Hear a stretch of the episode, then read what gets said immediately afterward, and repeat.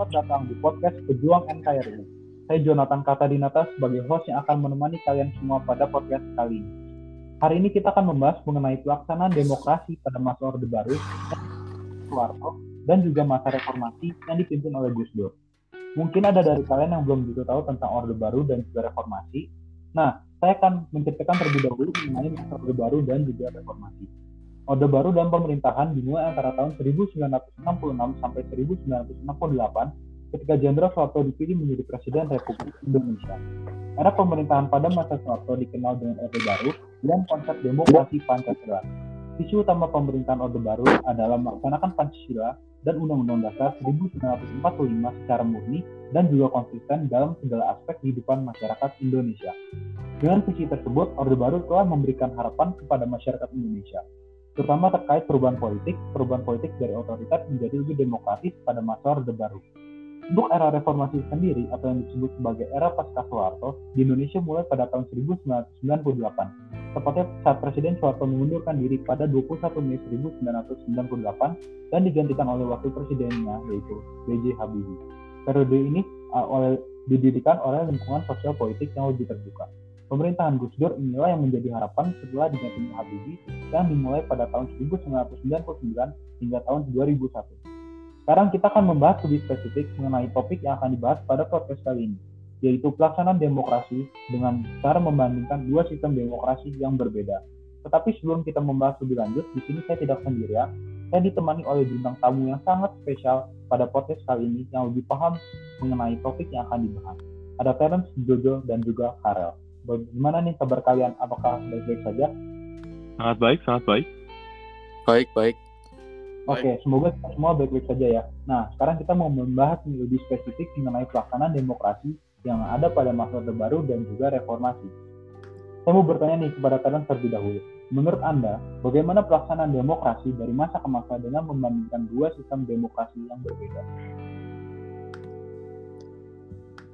Pertama-tama saya ingin berterima kasih karena sudah diundang di podcast ini.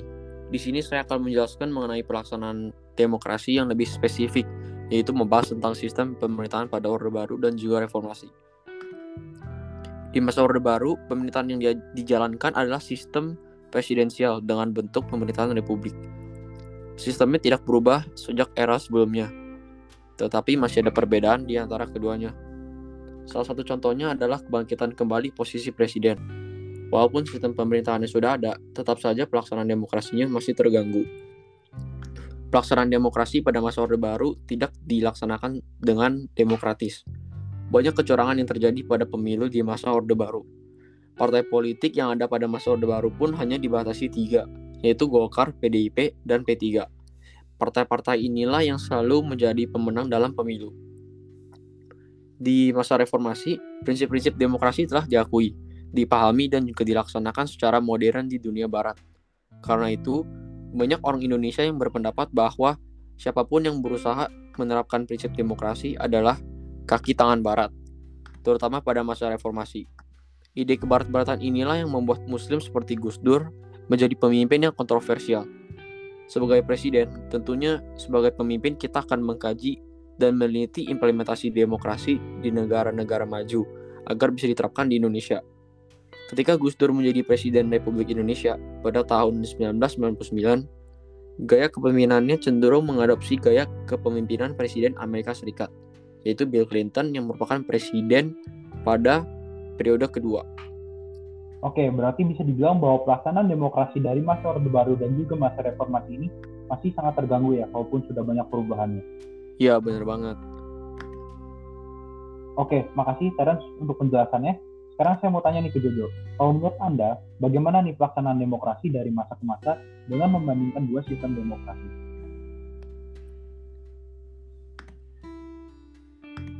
Ya, uh, makasih. Ya, makasih untuk pertanyaannya. Tadi kan Terence sudah menjelaskan dari sisi sistem pemerintahannya sekarang saya akan membahas tentang pelaksanaan demokrasi dari sisi kebijakan dan keputusannya. Pertama-tama ada Orde Baru. Ini dia Orde Baru ini dijalankan dengan dasar hukum demokrasi Pancasila.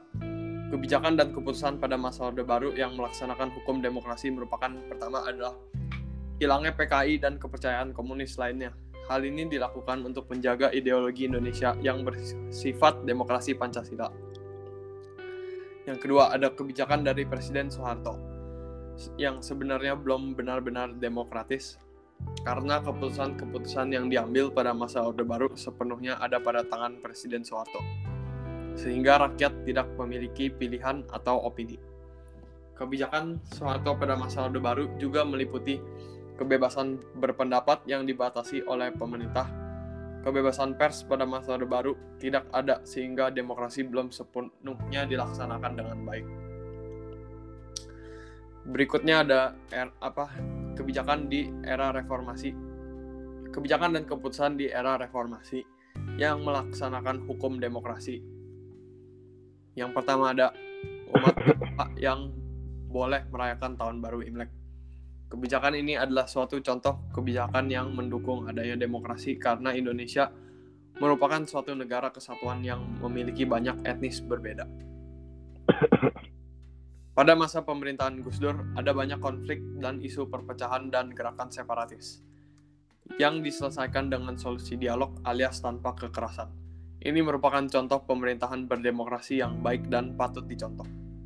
Oke, makasih Jojo untuk jawabannya. Pastinya setiap kebijakan dan keputusan dari masing-masing era memiliki kelebihan dan kekurangannya. Balik lagi bagaimana masyarakat Indonesia untuk memilih mana keputusan dan kebijakan yang baik untuk mereka. Pertanyaan terakhir nih buat Karel. Kalau menurut Anda, bagaimana nih pelaksanaan demokrasi dari masa ke masa dengan membandingkan dua sistem demokrasi yang berbeda? Oke, sekarang saya akan membahas tentang pelaksanaan demokrasi dari sisi keunggulan dan juga kelemahannya. Untuk kelebihannya, pertumbuhan ekonomi di era Orde Baru selama 32 tahun masa jabatan Presiden Soeharto, beliau mampu menerapkan kebijakan berkelanjutan dengan tujuan pertumbuhan ekonomi jangka panjang atau yang biasa dikenal dengan rencana pembangunan lima tahun atau Repelita. Selain itu, Orde Baru juga memiliki hubungan politik luar negeri yang lebih baik dari era sebelumnya. Di era Orde Lama, Indonesia keluar dari Perserikatan Bangsa-Bangsa atau PBB pada tahun 1965. Bayangkan jika Anda meninggalkan grup WhatsApp Anda. Yang bisa dilakukan keluarga Anda adalah mereka tidak akan habis pikir. Bayangkan sekarang Indonesia yang keluar dari organisasi PBB pada tahun 1965 65. Nah, di era Orde Baru, Indonesia kembali menjadi anggota PBB. Selain itu, Indonesia merupakan salah satu penggagas berdirinya ASEAN pada tanggal 8 Agustus 1967. Namun, tentu masa Orde Baru memiliki banyak kekurangan, yaitu Orde Baru banyak terjadi pelanggaran HAM seperti rentetan penembakan misterius atau Peter, lalu pembungkaman aktivis, dan peristiwa Tanjung Priok. Selain ini, selama ini jika Anda seorang aktivis kampus dan turun ke jalan-jalan dengan spanduk bertuliskan introvert turun ke jalan dalam kekacauan di negara ini, saya pikir itu akan mengerikan. Apalagi pemerintahan era ini terkenal dengan korupsi, kolusi, dan nepotisme. Jika Anda memiliki kursi di pemerintahan zaman Orde Baru, semuanya akan baik-baik saja. Nah, saya hanya mengatakan apakah ada pertumbuhan ekonomi di era ini.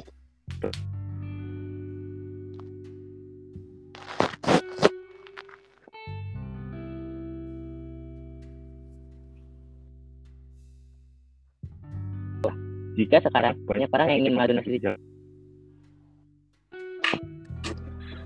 Lalu selanjutnya saya akan uh, menjelaskan keunggulan di era reformasi. Di era reformasi juga membawa dampak positif bagi bangsa Indonesia. Pertama, kebebasan masyarakat untuk menyampaikan keinginan dan kritiknya dipatasi sebelum reformasi. Dan sampaikan ke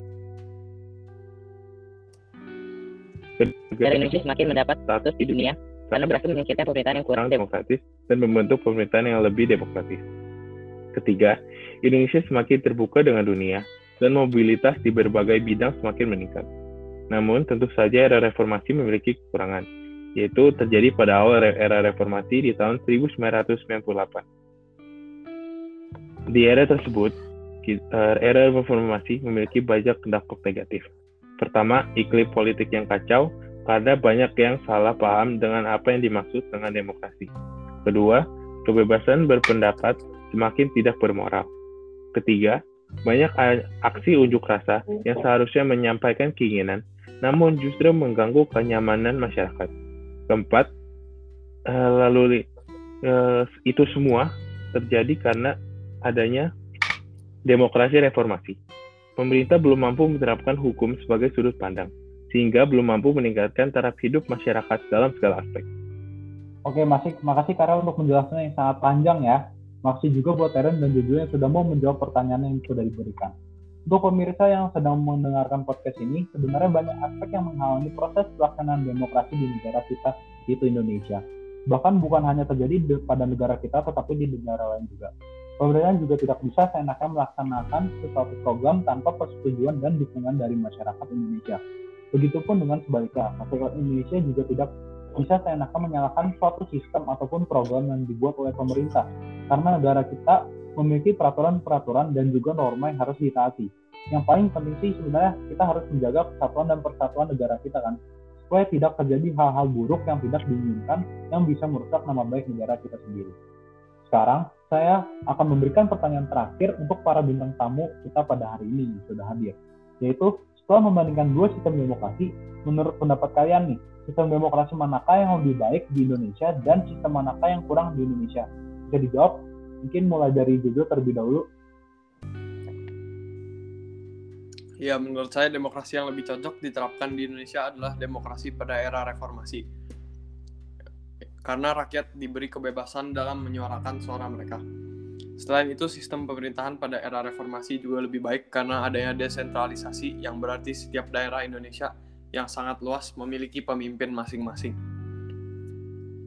Demokrasi yang kurang cocok ditetapkan di Indonesia adalah demokrasi era Orde Baru, karena rakyat tidak memiliki hak suara dan juga pemerintahan pada era Orde Baru bersifat terpusat, sehingga pembangunan di Indonesia tidak merata dan hanya sebagian dari daerah Indonesia yang mendapatkan pembangunan yang maju, sehingga terjadinya celah di antara masyarakat Indonesia sehingga sering terjadi konflik dan perselisihan. Oke, berarti Anda lebih memilih demokrasi pada era reformasi karena lebih memikirkan rakyatnya ya? Iya, benar. Menurut saya mementingkan rakyat itu nomor satu. Baik, baik. Selanjutnya, sekarang kalau kamu bagaimana nih? Menurut saya, zaman reformasi tentunya lebih baik. Kalau kita lihat dari struktur kekuasaan Indonesia sebelum reformasi, yaitu terpusatnya kekuasaan baik secara vertikal maupun horizontal. Semua sudah kita lakukan di era reformasi. Secara vertikal, dengan otonomi daerah, maka kekuasaan tidak ada lagi yang terpusat dalam suatu lapisan pemerintahan.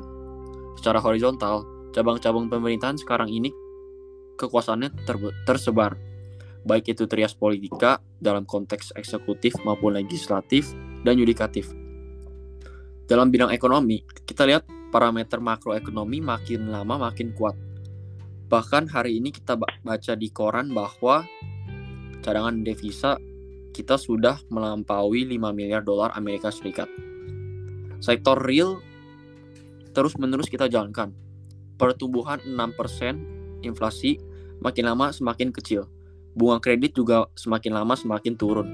Dari sisi reformasi, birokrasi juga akan terus kita jalankan, baik itu dalam konteks profesionalisme birokrasi, birokrasi yang netral dalam politik, juga bagaimana birokrasi yang kesejahteraannya semakin baik. Korupsi masa lalu juga sesuatu yang tidak mudah untuk diungkapkan, tetapi korupsi yang akan terjadi pasti sudah kita cegah. Korupsi yang sedang berlangsung harus kita hentikan. Menurut pandangan saya, zaman Orde Baru memiliki kekurangan, yaitu pada sistem demokrasi negara pada saat era kepresidenan Soeharto. Kekurangan-kekurangan pada zaman Soeharto adalah terbatasnya partai politik yang berarti sulit bagi partai-partai kecil dan baru untuk mencalonkan diri. Terjadi korupsi besar-besaran di semua lapisan masyarakat, pembangunan hanya terpusat di ibu kota sehingga terjadi kesenjangan yang cukup besar antara masyarakat kota dengan di desa. Lalu kekuasaan yang terus berkelanjutan tanpa adanya tanda-tanda akan mundur. Dan juga masyarakat di berbagai daerah tidak puas, misalnya Papua dan Aceh lalu juga tidak tersentuh pembangunan selain. Nah, selain itu, pada era Soeharto, hak kebebasan berpendapat bagi masyarakat sangat dibatasi, sehingga orang-orang menilai pemerintahan Soeharto sebagai pemerintahan otoriter, bukan pemerintahan demokratis. Oke, berarti menurut Anda zaman reformasi itu lebih baik bisa dilihat dari struktur kekuasaannya dan juga bisa dilihat dari segi bidang ekonominya yang sangat mempengaruhi di era tersebut. Nah, baik. Terence, terima kasih untuk jawabannya. Yang terakhir nih, Karel, menurut Anda sistem demokrasi mana nih yang lebih baik dan yang kurang yang mana? Menurut saya, zaman Orde Baru lebih baik karena pertumbuhan ekonomi era reformasi uh, ada tentunya, tapi tidak terlalu berkualitas. Yang tumbuh adalah sektor elit, perbankan, asuransi, dan jasa modern. Tapi, sektor rakyat seperti pertanian dan manufaktur justru menurun. Juga dapat dilihat pada zaman Orde Baru tahun 1980-an sampai 1990-an akhir, pemerintah sukses mempertahankan kurs dolar dengan rentang 1000 sampai 2000 rupiah. Namun, menurut saya, demokrasi reformasi lah yang kurang cocok diterapkan di Indonesia. Karena dapat kita lihat di zaman reformasi, yang terjadi adalah makin tingginya ketimpangan sosial yang terjadi di Indonesia. Juga angka kemiskinan yang tak kunjung menurun.